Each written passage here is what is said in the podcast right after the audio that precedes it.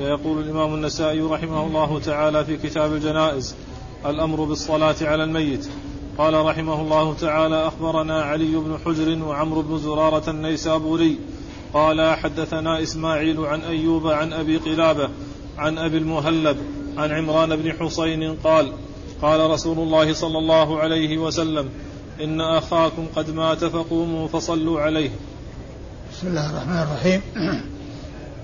الحمد لله رب العالمين وصلى الله وسلم وبارك على عبده ورسوله نبينا محمد وعلى آله وأصحابه أجمعين. أما بعد يقول النسائي رحمه الله الأمر بالصلاة على الجنازة.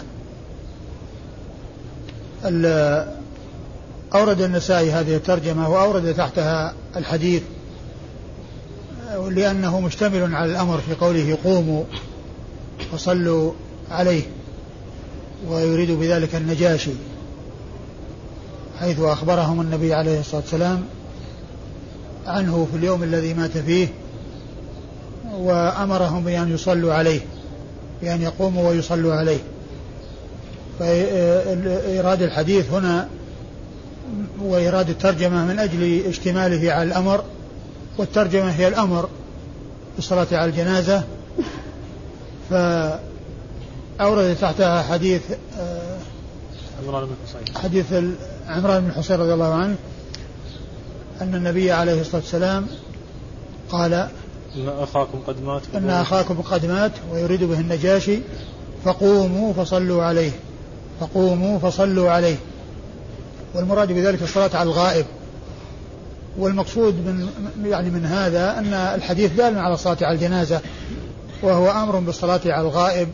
فهو دال دال على الأمر بالصلاة على الجنازة والجنازة هي آه، غائب أي صلاة على غائب وهو النجاشي. وقد اختلف العلماء في الصلاة على الغائب فمنهم من قال وهم جمهور العلماء على أنه يصلى على الغائب لأنه ثبت بذلك الحديث عن رسول الله عليه الصلاة والسلام. ومنهم من قال إنه لا يصلى على الغائب وأن الصلاة على الغائب على صلاة النبي, صلى الله عليه وسلم على الغائب اللي هو النجاشي من خصائصه من خصائص الرسول صلى الله عليه وسلم فقالوا هذا أمر يختص به.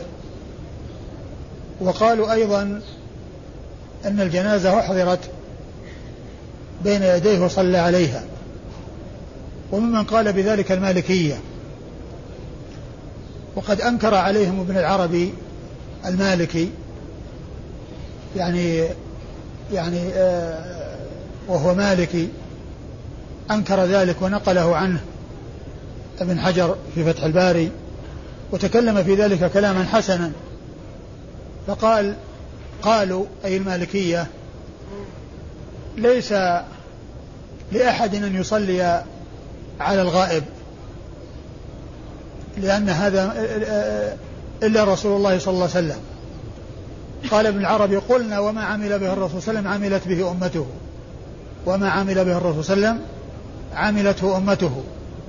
قالوا إن الجنازة قد أحضرت وصلى عليها. قلنا إن ربنا لقادر وإن النبي عليه الصلاة والسلام لذلك أهل لكن لا تقولوا من تلقاء أنفسكم شيئا ولكن يعول على ما جاءت به الأحاديث ولم يأتي حديث يعني يدل على ما ذكرتم وتكلم كلاما يعني حسنا في هذا في مناقشة المالكية في قولهم إنه من خصائصه وأن الجنازة أحضرت وقول بعضهم أن الجنازة أحضرت. فقال إن ربنا لقادر بأن يحضر الجنازة وإن النبي صلى الله عليه وسلم لذلك أهل. لكن ما جاء حديث أو ما جاء شيء يثبت هذا. فلا تقولوا شيئا من تلقاء أنفسكم. فلا تقولوا شيئا من تلقاء أنفسكم. والمعول عليه هو كون النبي صلى الله عليه وسلم صلى عليه والأصل هو عدم التخصيص. والأصل أن عدم الخصوصية بالنبي عليه الصلاة والسلام إلا أن يأتي شيء يدل على الخصوصية فعند ذلك يصار إليها. أما إذ لم يأتي شيء يدل على الاختصاص بالنبي صلى الله عليه وسلم فإن الأصل أن ما فعله الرسول صلى الله عليه وسلم فأمته تبع له في ذلك صلوات الله وسلامه وبركاته عليه. الحاصل أن جمهور العلماء على مشروعية الصلاة على على الغائب وبعضهم قال باختصاص الرسول صلى الله عليه وسلم وهذا ليس بصحيح لأن الأصل عدم الاختصاص ولا يصار إلى التخصيص به إلا إذا وجد ما يدل على ذلك وليس في هذه المسألة شيء يدل على أن هذا من خصائصه صلى الله عليه وسلم. وأما إسناد الحديث فيقول نسائي أخبرنا علي بن حجر علي بن حجر وعمرو بن زرارة النيسابوري. علي بن حجر هو ابن إياس. علي بن حجر بن إياس السعدي المروزي وهو ثقة حافظ أخرج له البخاري ومسلم والترمذي والنسائي وقد أكثر عنه الإمام مسلم في صحيحه. أكثر الإمام مسلم عن علي بن حجر السعدي في صحيحه. وعمرو بن زرارة النيسابوري هو ثقة أخرجه البخاري ومسلم والنسائي. أخرج له البخاري ومسلم والنسائي. عن إسماعيل. عن إسماعيل وهو ابن علية. إسماعيل بن إبراهيم ابن مقسم المشهور بابن علية وهو ثقة أخرج له أصحاب الكتب الستة. عن أيوب. عن أيوب بن أبي تميمة السختياني وهو ثقة أخرج له أصحاب الكتب الستة. عن أبي قلابة. عن أبي قلابة هو عبد الله بن زيد الجرمي البصري وهو ثقة يرسل وحديثه أخرجه أصحاب الكتب الستة وهو مشهور بكنيته أبو قلابة. يروي عن أبي المهلب وهو عمه عم أبي قلابة. وهو قيل اسمه عمرو الجرمي أبو المهلب الجرمي قيل اسمه عمرو وهو عم أبي قلابة.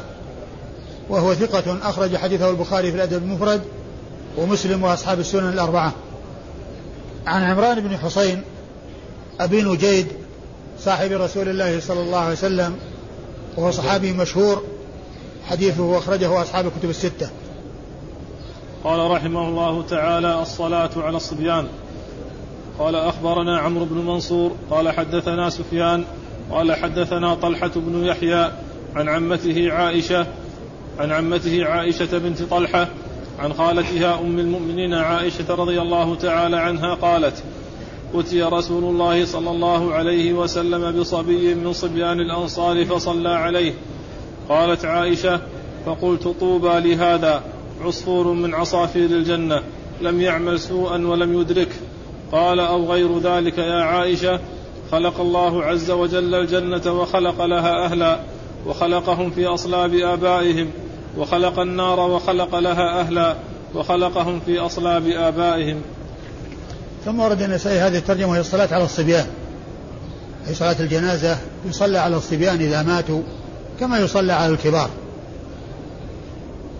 فالصلاة هي على الصغير والكبير.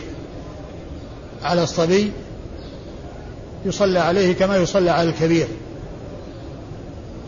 وقد جاء في الدعاء اللهم اغفر لحينا وميتنا وصغيرنا وكبيرنا وأورد النسائي حديث عائشة رضي الله عنها أن النبي عليه الصلاة والسلام أتي أنه أتي بصبي من الأنصار إلى النبي صلى الله عليه وسلم فصلى عليه.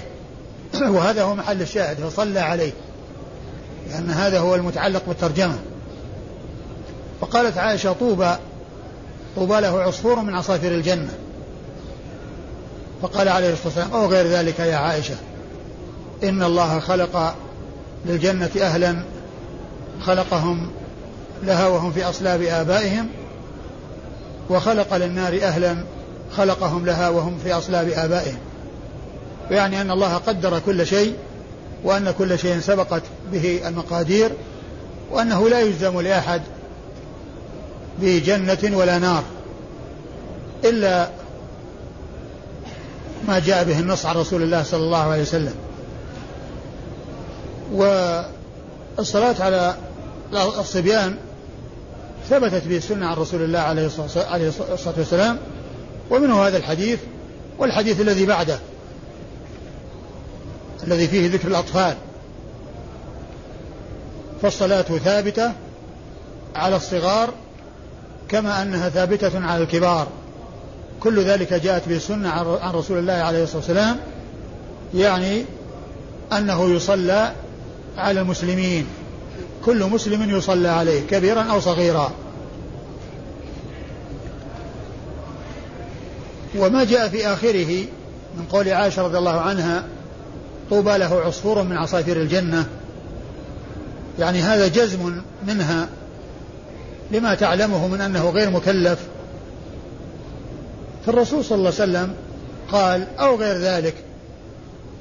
يعني لا يجزم لأحد بشيء إلا ما جاء به نص عن رسول الله صلى الله عليه وسلم. ثم بين أن كل شيء سبق به القدر وسبقت به المقادير. وقد اختلف العلماء في أولاد المسلمين إذا ماتوا وأين مصيرهم فمنهم بل جمهورهم على أنهم في الجنة. وقد مر بنا بعض الأحاديث عن النبي عليه الصلاة والسلام الذي فيه أنه أن الشخص الذي قدم طفلا وفقده ويعني حزن عليه حزنا شديدا قال له النبي صلى الله عليه وسلم أما ترضى أن يكون أمامك يعني لا تأتي لباب من أبواب الجنة إلا وهو أمامك يريد أن يفتحه لك يريد أن يفتحه لك. جمهور العلماء قالوا إنهم في الجنة. وبعض العلماء قال لا ينبغي أن يجزم وإنما يتوقف لأن هذا الحديث الذي جاء عن رسول الله عليه الصلاة والسلام يدل على التوقف وعنه على أنه لا يلزم بشيء من ذلك.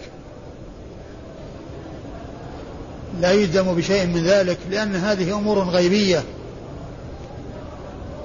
ولا يلزم لأحد بجنة أو نار.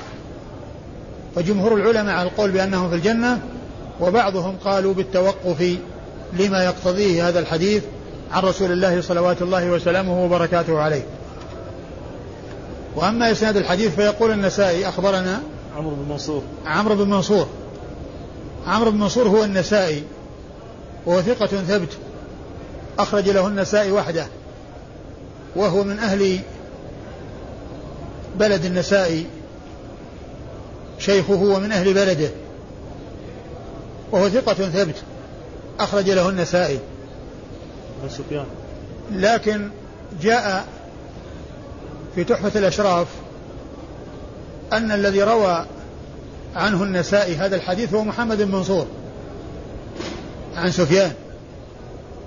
وكذلك أيضا الحديث نفسه في في السنن الكبرى عن محمد بن منصور. عن سفيان بهذا الإسناد.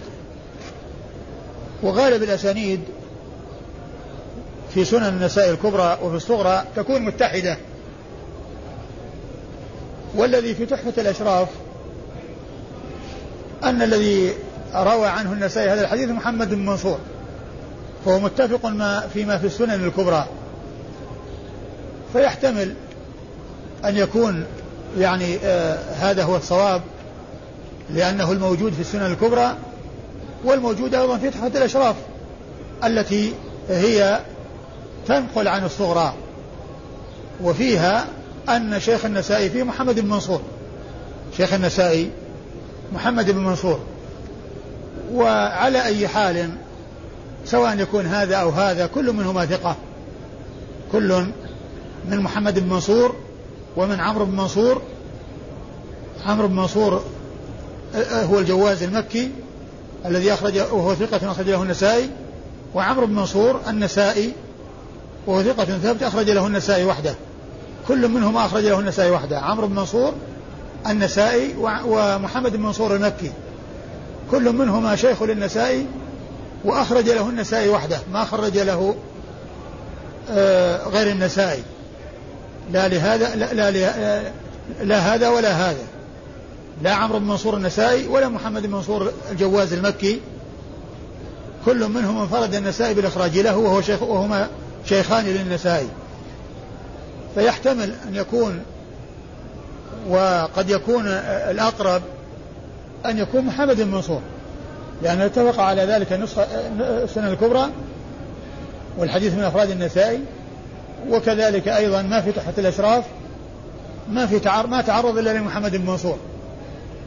فلعل هذا هو الأظهر والأقرب لكن مهما يكون من شيء سواء يكون هذا أو هذا فكل منهما ثقة وكل منهما شيخ للنسائي و ولا لم أراجع يعني في عمرو بن منصور هل روى عن عن سفيان بن عيينة؟ هل روى عن سفيان بن عيينة؟ ما ما أدري.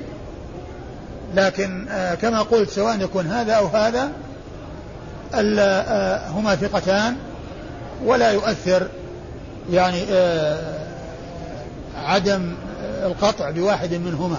وإن كان الأقرب هو ما في تحفة الأشراف وما في السنن الكبرى. وتحفة الأشراف كما هو معلوم تنقل عن السنن الصغرى. وكل منهما كما قلت أخرج له النسائي وحده. وكل منهما ثقة. عمرو بن منصور المكي النسائي, النسائي ومحمد بن منصور المكي. الجواز نعم. عن سفيان. عن سفيان وهو بن عيينة. سفيان هو بن عيينة. وهو آه ثقة فقيه أخرج له أصحاب الكتب الستة. و وهو مكي كما أن عمرو بن منصور مكي كما أن محمد بن منصور مكي. يروي عن سفيان عن الزهري. وهذا مما يبين أنه سفيان بن عيينة لأن الزهري عفوا شيخ عن طلحة بن يحيى. نعم. عن طلحة بن يحيى. عن طلحة نعم مو الزهري. عن طلحة عن طلحة بن يحيى. عن طلحة بن يحيى ابن طلحة بن عبيد الله. يعني جده أحد العشرة المبشرين بالجنة. طلحة بن عبيد الله التيمي رضي الله تعالى عنه. وهو طلحة بن يحيى بن طلحة على اسم جده. وهو صدوق يخطئ وحديثه أخرجه مسلم وأصحاب السنن الأربعة. مسلم وأصحاب السنن الأربعة. عن عمته عائشة بنت طلحة. عن عمته عائشة. يروي عن عمته عائشة بنت طلحة لأنه طلحة بن يحيى يروي عن عائشة بنت طلحة أخت يحيى وهي ثقة أخرج حديثها أصحاب الكتب الستة ثقة أخرج حديثها أصحاب الكتب الستة. تروي عن خالتها عائشة أم المؤمنين ابنة أبي بكر رضي الله عنها وعائشة بنت طلحة أمها أم كلثوم بنت أبي بكر رضي الله تعالى عنه وعن الصحابة أجمعين فهي تروي عن خالتها عائشة بن طلحة ابن عبيد الله وأمها أم كلثوم ابنة أبي بكر فهي خالتها خالة عائشة بن طلحة وعائشة أم المؤمنين رضي الله عنها وأرضاها هي الصديقة بنت الصديق التي حفظت الكثير من سنة رسول الله عليه الصلاة, والسلام ولا سيما الأمور البيتية التي تقع في البيوت بين الرجل وأهل بيته فإن هذا مما حفظته على للناس و وهي واحدة من سبعة أشخاص عرفوا بكثرة الحديث عن النبي عليه الصلاة والسلام من أصحابه الكرام رضي الله تعالى عنهم وأرضاهم وهم ستة رجال وامرأة واحدة الستة أبو هريرة وابن عمر وابن عباس وأبو سعيد وجابر وأنس. والمرأة هي أم المؤمنين عائشة رضي الله تعالى عنها وأرضاها. قال رحمه الله تعالى الصلاة على الأطفال. قال أخبرنا إسماعيل بن مسعود. قال حدثنا خالد. قال حدثنا سعيد بن عبيد الله. قال سمعت زياد بن جبير يحدث عن أبيه. عن المغيرة بن شعبة رضي الله تعالى عنه أنه ذكر أن رسول الله صلى الله عليه وسلم قال الراكب خلف الجنازة والماشي حيث شاء منها والطفل يصلى عليه. ثم أورد النسائي ترجمة ترجمة الصلاة على الأطفال. وأورد هذه الترجمة بلفظ الأطفال لأن فيه والطفل يصلى عليه. والترجمة السابقة الصلاة على الصبيان لأن في الحديث أتي بصبي فصلى عليه. لأنه جاء لفظ الصبي في الحديث الأول وجاء لفظ الطفل في الحديث الأول الثاني. وكل منهما غير مكلفين. كل منهما صغار. لم يبلغوا التكليف. ويقال لمن لم يبلغ التكليف يقال له طفل. وكذلك صبي. والله تعالى يقول وإذا وإذا بلغ الأطفال منكم الحلم. إذا بلغ الأطفال منكم الحلم. فهو ما دام أنه لم يبلغ الحلم هو طفل. وقد أطلق عليه أنه طفل حتى يبلغ الحلم. وإذا بلغ الأطفال منكم الحلم فليستأذنوا. فالحاصل أن الترجمتين وإن كان مؤداهما واحد إلا أن التفريق بينهما من أجل اللفظ الذي جاء في الحديث في كل كل من الحديثين. الذي جاء بلفظ الصبي أتت الترجمة بلفظ الصبيان والذي أتى بلفظ الطفل جاءت الترجمة بلفظ الأطفال أو الصلاة, الصلاة على الأطفال. و والحديث سبق أن مر في ترجمتين سابقتين. ترجمة في مكان الراكب من الجنازة إذا تبعها وترجمة في مكان الماشي من الجنازة.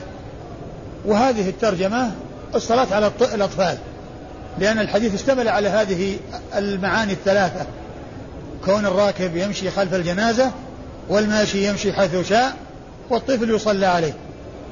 وأورد النسائي حديث آه، المغيرة بن شعبة من طريق من الطرق التي ورد بها وقد سبق أن أورده من طريقين ورد بهما. وإسناد وإسناد هذه الطريق. أخبرنا؟ إسماعيل بن مسعود. أخبرنا إسماعيل بن مسعود أبو مسعود البصري ثقة أخرج حديثه النسائي وحده. عن خالد وهو ابن الحارث البصري وهو ثقة أخرج له أصحاب الكتب الستة. عن سعيد بن عبيد الله. عن سعيد بن عبيد الله ابن جبير ابن حية الثقفي وهو صدوق ربما وهم. وحديثه أخرجه البخاري وأبو داود والترمذي والنسائي.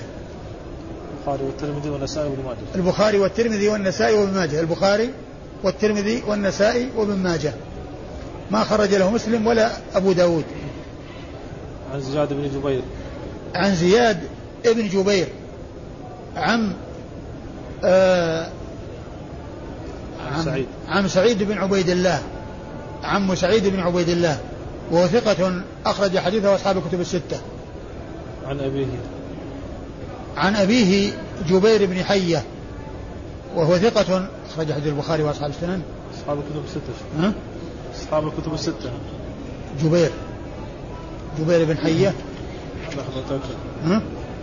البخاري وأصحاب السنن. نعم هو الذي أخرج له نعم أصحاب الكتب الستة الإبن نعم. الذي هو الذي هو آه، زياد بن جبير. زياد بن جبير نعم. عن المغيرة. عن المغيرة بن شعبة صاحب رسول الله صلى الله عليه وسلم وحديثه أخرجه أصحاب الكتب الستة. ثم قال رحمه الله تعالى أولاد المشركين.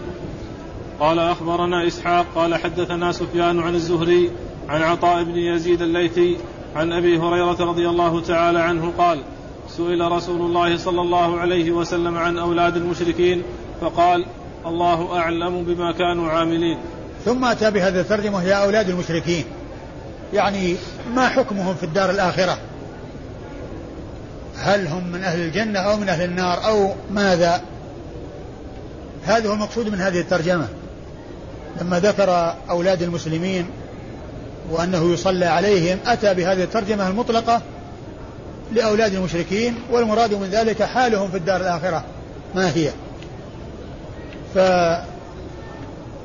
وحالهم في الدار الآخرة اختلف فيها العلماء.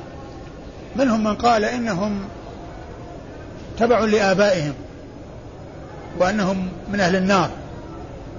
ومنهم من قال إنهم في الجنة لأنهم غير مكلفين.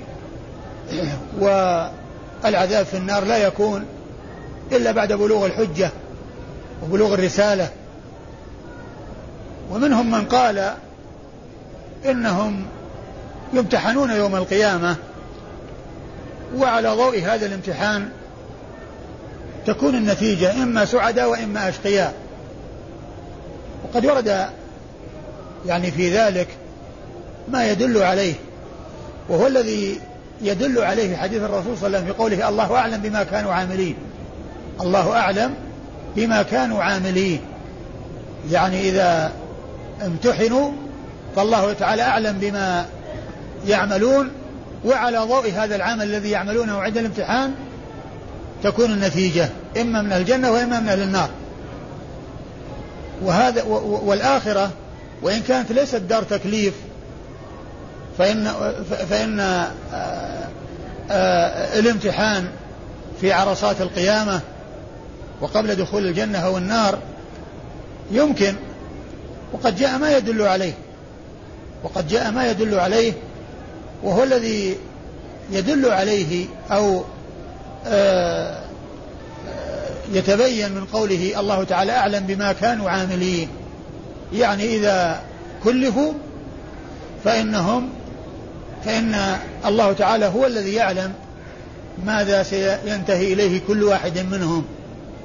ماذا ينتهي إليه كل واحد منهم. وقد ذكر هذا شيخ الإسلام ابن تيمية وغيره وذكر ابن تيمية في مجموع الفتاوى وقال إن أصح ما يقال فيه أن يقال الله أعلم بما كانوا عاملين. الله أعلم بما كانوا عاملين كما قال ذلك رسول الله عليه الصلاة والسلام. لا يقال إنهم في الجنة ولا يقال إنهم في النار. وإنما يقال الله أعلم بما كانوا عاملين وأنهم إذا حصل الامتحان فإنهم آه ينتهون إلى ما يحصل منهم من عمل. فإن كان فإن كانوا استجابوا وحصل التوفيق لهم في الجواب الحسن والاستجابة فإنهم يكونون أهل الجنة. وإلا فإنهم يكونون من أهل النار. وعلى هذا فلا يقطع لهم بشيء لا بجنة ولا بنار. وإنما يقال فيهم كما قال رسول الله صلى الله عليه وسلم الله أعلم بما كانوا عاملين. وذكر هذا شيخ الإسلام ابن تيمية في الجزء الرابع صفحة 303 من مجموع الفتاوى. يعني هذا البحث المتعلق ببيان أحوال أولاد المشركين والأقوال التي قيلت فيهم وأن صح شيء فيها هو عدم القطع والبت في أحد بحثه وذكره في ذلك الموضع. 303 الجزء الرابع صفحة 303 أخبرنا إسحاق.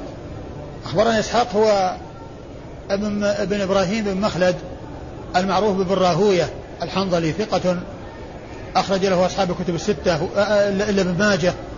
وقد وصف بأنه أمير المؤمنين في الحديث وهي من على صيغ التعديل وأرفعها وهو ثقة فقيه.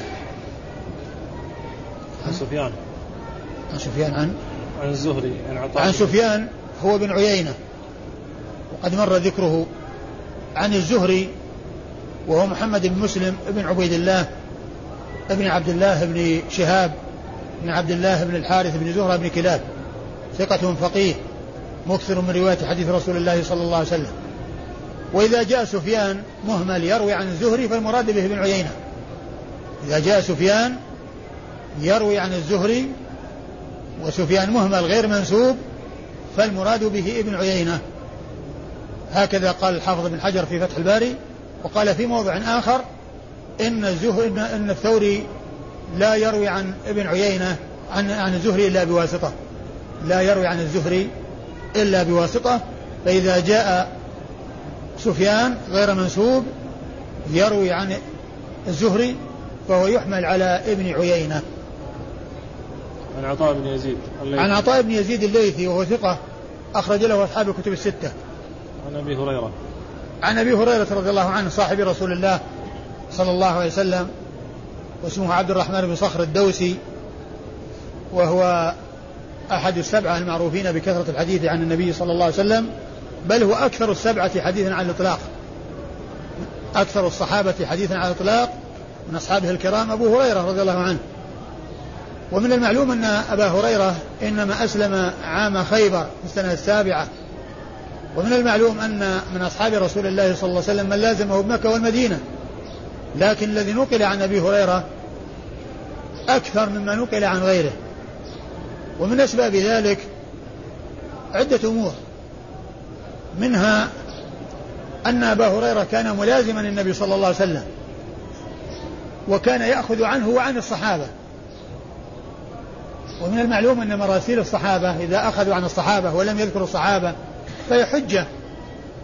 فهو يأخذ عن النبي صلى الله عليه وسلم ويأخذ عن غيره من أصحاب رسول الله صلى الله عليه وسلم.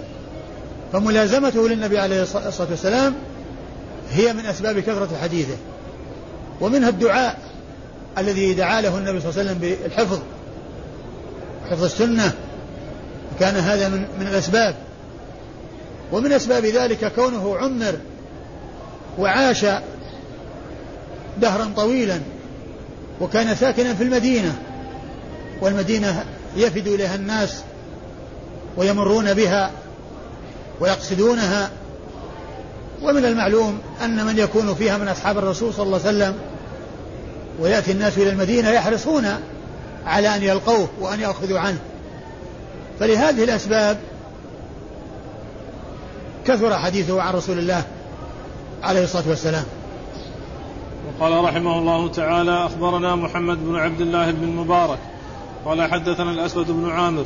قال حدثنا حماد عن قيس هو ابن سعد عن طاووس عن أبي هريرة رضي الله تعالى عنه أن النبي صلى الله عليه وسلم سئل عن أولاد المشركين فقال الله أعلم بما كانوا عاملين.